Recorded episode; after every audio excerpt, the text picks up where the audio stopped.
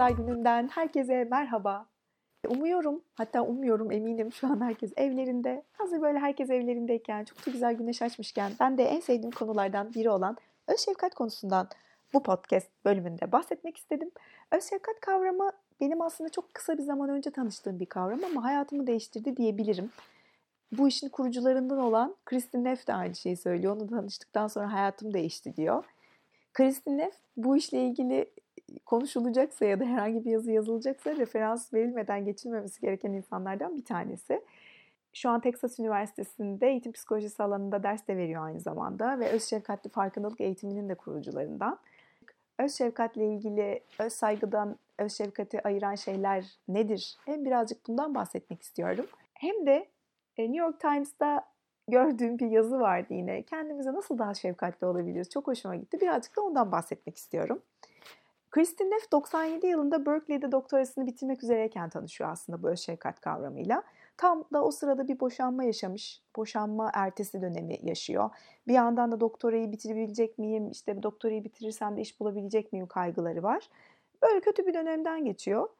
Sonra tabii ki meditasyonla tanışıyor böyle bir dönemdeyken. Meditasyona yazılıyor ve gidiyor. İlk derste hocaları meditasyon sınıfında şefkat kavramından bahsediyor. Fakat başkalarına olan şefkatten değil, kendi insanın kendisine olan şefkatinden bahsediyor ve bu kavramla ilk defa orada tanıştığını söylüyor Kristin Neff. Kişilerin iyi bir arkadaşa nasıl davranıyorlarsa kendilerine de öyle nazik, öyle iyimser davran davranmalarından bahsediyor kabaca.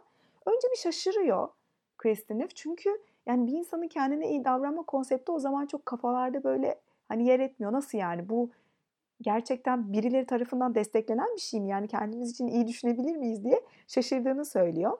Ama tam da o anda böyle bir şeye ihtiyacı olduğu için kendisine tam da söylenen gibi davranmaya başlıyor ve etkisini çok hızlı gördüğünü belirtiyor. Doktorayı bitirdikten sonra bir iş buluyor. Post doktorasını yaparken de bu self esteem, Türkçe'ye öz saygı olarak çevirebiliriz herhalde. Öz saygı ile ilgili çalışan bir hocayla birlikte çalıştığını söylüyor. Ve aslında bu öz saygı ve öz, öz şefkatin birbirinden nasıl ayrıldığını tam da o arada görüyor. Öz saygı dediğimiz şeyle bunu karıştırmayalım. Çünkü öz saygı aslında çok da desteklemediğimiz bir kavram diyor. O self esteem dediğimiz öz saygı yani kişinin kendi değerine, yapabileceklerine olan güveni mi diyelim yani kendine olan saygısı. Bu öz saygı çok uzun yıllar boyunca aslında psikolojide psikolojik olarak sağlıklı olmanın en önemli belirleyeni olarak görülüyordu. Nedeni çok basit. Eğer düşük bir öz saygınız varsa yani kendinizden nefret ediyorsanız tabii ki çeşitli psikolojik problemleriniz var demek oluyor bu. Bu daha da kötüye giderse işte ne bileyim depresyon, daha da kötüye giderse sizi intihara kadar sürükleyebiliyor. Dolayısıyla eğer öz saygınız varsa demek ki psikolojik olarak da sağlamsınız demeye geliyordu. Öz saygıya fazla oranda sahip olmak da problematik. Çünkü yüksek bir öz saygı demek kişinin kendini özel hissetmesi demek oluyor. Ya da kendini ortalamanın üzerinde görmesine neden oluyor. Ki ortalamanın kötü bir şeyi yok aslında. Fakat şu anda baktığımız zaman ya ben ortalama bir aşçıyım ya da ben ortalama bir anneyim dediğiniz zaman bunun aslında çok iyi rezone etmediğini fark edeceksinizdir. Fakat herkes ortalamanın üzerinde hissettiğini bir düşünün. Bu sefer ne oluyor? İnsanlar kendilerini daha da iyi hissetmek için birbirleriyle kıyaslamaya gir- giriyorlar başkalarını aşağılayarak ya da onları daha kötü duruma düşürerek bu sefer kendi öz saygılarını kazanmaya başlıyorlar. Böyle problematik bir tarafı var. Ve diyor ki çok güzel bir lafı var Kristin Neff'in. Tabii ki Amerikan kültürü için konuşuyor. E, ama bence bizim kültürümüz için de söylemek çok yanlış olmaz. Bu kültürde diyor narsisizm salgını var diyor. Son 25 yıldır öğrencilerin narsisizm seviyelerine bakıyorlar ve şu anda en yüksek seviyede olduğunu gözlemliyoruz diyorlar. Bunun da nedenini psikologlar okullardaki öz saygı hareketinden kaynaklandığını söylüyorlar. Şimdi öz saygıda hem böyle bir kıyaslama problemi var, hem kendini başkalarından daha iyi hissetmek için başkalarını aşağılama problemi var. Bir ikinci problemi de başarıya bağlı olması. Yani bir şeyleri başardığımızda ancak kendimizle ilgili iyi hissediyoruz. Ama o belirlediğimiz standartlara erişemediğimizde de kendimizi berbat hissediyoruz. O zaman böyle bir şey bir öz saygı olabilir mi? Aslında çok mümkün değil. Ama işte öz şefkat dediğimiz şey tam da bu noktada devreye giriyor. Öz şefkat deyince tabii ki hani kendimizi böyle pof poflamak, işte kendimizi böyle pozitif bir şekilde yargılamak vesaire kesinlikle böyle bir şey değil öz şefkat. Kendimize nazik davranmak demek. Kusurlarımızın farkında olmak ve kusurlarımızla kendimizi kucaklamak demek oluyor. Kristin Neff üç başlıkta aslında öz şefkati tanımlıyor. Bu başlıklardan bir tanesi öz nezaket, öz sevecenlik. Nasıl derseniz. Nasıl ki bir arkadaşınız, sevdiğiniz bir arkadaşınız size geldiğinde ya ben bugün çok kötü bir şey yaptım. Ben de tam bir gerizekalının kendisiyim dediğinde aa evet sen de tam bir aptalsın zaten hep böyle yapıyorsun demiyorsanız kendinize de böyle demeyin lütfen diyor. Yani cesaret vererek, destekleyerek, anlayışla, sabırla, nazikçe davranın kendinize diyor. Yani hani başka birine söylemeyeceğiniz şeyleri ki bazen sevmediğiniz insanlara bile söylemeyeceğiniz şeyleri kendinize söylemeyin diyor. Öz şefkati tanımlarken ki ikinci başlığı ortak insanlık duygusu. Ben bunu çok önemsiyorum. Çünkü öz saygıyı bence öz şefkatten ayıran en önemli konu bu. Öz saygı başkalarından nasıl farklıyımı sorgulatıyor bize. Nasıl, hangi özelliklerimle onlardan daha farklı ve üstünüm ya da daha iyiyim? Fakat öz şefkat tam tersi başkalarıyla hangi noktada aynıyımı sorgulatıyor insana. Peki şöyle bir düşündüğünüz zaman biz tüm insanlıkla hangi noktada aynı olabiliriz? Kusurlu olmamızla aynı olabiliriz. Hiçbirimizin mükemmel bir hayata sahip olmayışıyla aynı olabiliriz. Yani tüm insanlıkla bizi ortak noktada buluşturan şey hepimizin kusurlu olması ve hiçbirimizin mükemmel hayatları sahip olmaması. O yüzden insan bir hata yaptığında kendini ya hayır ben bu hatayı nasıl yaparım, inanamıyorum diye böyle bir tüm insanlıktan izole ederse o zaman o insanlıkla olan o ortak bağı koparmış oluyor. Yani ben de her insan gibi kusurluyum. Ben de her insan gibi hata yapabilirim. Benim de hayatım her insan gibi mükemmel değil. Ve ben böyle seviyorum bu hayatımı dediğiniz anda aslında tüm insanlıkla olan aynılığınızı bulmuş oluyorsunuz. Üçüncü başlık ise farkındalık. Farkındalık önemli çünkü kendinize karşı şefkatli olabilmeniz için önce kendinize karşı böyle katı olduğunuz taraflarınızı fark etmeniz gerekiyor. Yani eğer o iç sesinizi, o kendinize karşı davrandığınız o yargıları, o kötü lafları duymuyorsanız, farkında değilseniz o zaman kendinize karşı şefkatli de davranamıyorsunuz. Dolayısıyla üçüncü bacağını da farkındalık oluşturuyor. Peki madem bize bu iyi gelmiyor, madem kötü bir şey, biz neden sürekli bunu yapıyoruz? Neden sürekli kendimizi yargılıyoruz, kendimize karşı kötü konuşuyoruz, kaba davranıyoruz? Şimdi evrimsel psikologlar bunu evrimleşme süreciyle açıklıyorlar. Yani bizim daha ileriye gidebilmemiz için, devam edebilmemiz için iyi kötüden ayırmamız gerekiyor. Bu şu demek, bizim en başta kendi yaptığımız hatalarımızı fark etmemiz gerekiyor. Bu kötü oldu benim için. Demek ki bir sonrakinde bunu yapmamam gerekiyoru bilmemiz gerekiyor. Dolayısıyla ilk baktığımız yer bizim kendi hatalarımız oluyor ki bir daha bir şey yaparken geçmiş tecrübelerimizden bir şey öğrenelim ve dolayısıyla gelecekte daha iyisini yapalım ve varlığımızı sürdürebilelim diye. Kusurlarımıza, hatalarımıza, başarılarımızdan daha fazla önem vermemiz aslında bu evrimleşme süreciyle alakalı. Bu şekilde evrimleşiyoruz biz. Kusurlarımıza önce bakarak, onlara önce yoğunlaşarak, onlardan önce ders çıkararak. Kristin ise diyor ki biz diyor bu şekilde kendimizi eleştirerek aslında motive olduğumuza inanıyoruz diyor. Yani eğer kendimize iyi davranırsak, kendimize iyi şeyler söylersek tembel olacağımıza, böyle bir takım yetkinliklerimiz varsa bile onları yitireceğimize, bunlara inanıyoruz diyor. Kaybedeceğimize inanıyoruz bu e, kendimizdeki yetenekleri, güçleri. Yani kendimize eğer aman ha bir gün iyi davranırsak bu bizi motive etmez. Olduğumuz yerde kalırız. Tüm araştırmalar aslında bunun tam tersini söylüyor. Kendimizi eleştirdiğimiz zaman vücudumuzdaki aslında savunma mekanizmasını devreye sokuyoruz biz.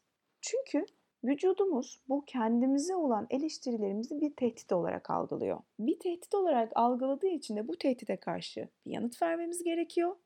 Ve biz aslında hem tehdidi yapan yani hem saldıran hem de bu saldırıya cevap veren kişi oluyoruz. E ne oluyor?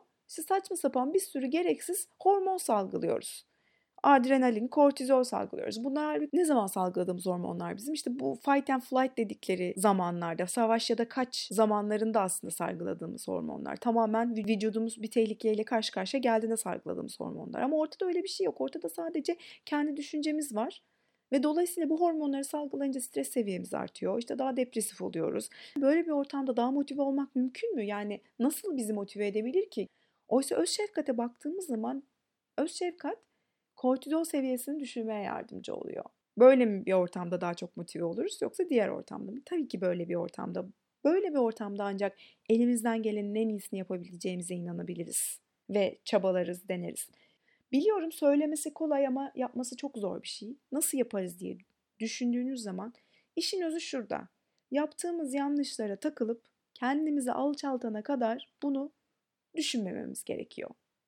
Yani ne zaman kendimizle ilgili böyle düşüncelere dalsak bunlar bizi iyiye götürmüyor. Bu genelde bu hatalar üzerine daha da fazla düşünmek, endişelenmek, pişmanlık, suçluluk duygusu ya da kendimizi yargılamayla son buluyor. Dolayısıyla bir kere böyle bir yaptığımız yanlışı tekrar ve tekrar kafada düşünmeyi bırakmak gerekiyor. Şimdi çocuklarla ilgili de çok güzel bir şey anlatıyor. Çocukları da aslında bu şekilde motive edebilirsiniz diyor. Yani şöyle eve geldi işte bir sınavından kötü not almış. Yani siz şimdi bu çocuğa inanamıyorum. Sen zaten hep böyle kötü not alıyorsun ki ya sana da hiç inancımı da yitirdim zaten. Sen de hiçbir şey beceremezsin falan dediğiniz zaman bu çocuğun belki motive eder ama kısa bir dönem motive eder. E uzun vadede o zaten kendine olan inancını yitirir, başarısına olan inancını yitirir. Sonra da zaten salar, bırakır yani. Ben zaten yapamıyorum. Ben zaten hani annem babam da bana inanmıyor deyip bitirir. Oysa o çocuğa karşı sarılmak çok önemli bu arada burada yine oksitosinle ilgili bir şey. O çocuğu alıp sarılıp ya eminim çok üzülüyorsun. Bu herkesin başına gelebilir. Seni hala seviyorum diyebilirsiniz. Hatta ve hatta çok önemli bir soru. Ben sana yardımcı olmak için ne yapabilirim? Tabii ki çocuk bu davranış biçiminden sonra daha iyisini yapmaya ve çabalamaya, kendine olan inancını da inşa etmeye devam edecektir. Kendimize peki böyle davranıyor muyuz? Ya Selin ya olsun yaptın herkes hata yapar diyor muyuz? Hayır tabii ki yani nasıl yaparsın böyle bir hatayı sen? Yani çünkü geri zekalısın diye başlıyoruz hemen kendimize söylemeye. Yani deneyimlerimize eğer bir negatiflik atfettiysek yani bir şey yanlış yaptıysak hemen bunu bir öz eleştiriye çeviriyoruz. Öz eleştiri ama böyle hani bizi ileriye götüren böyle olumlu yapı yapıcı bir eleştiriden bahsetmiyorum. Hani bizi depresyona sürükleyen, anksiyeteye sürükleyen, o kendimize ait olan imajı hani daha olumsuz bir şekilde yeniden inşa ettiren böyle saçma sapan bir eleştiriden bahsediyorum. Peki ne yapalım? Nasıl yapalım? Ya nasıl ilerleyelim? Dediğim gibi söylemesi kolay, yapması zor.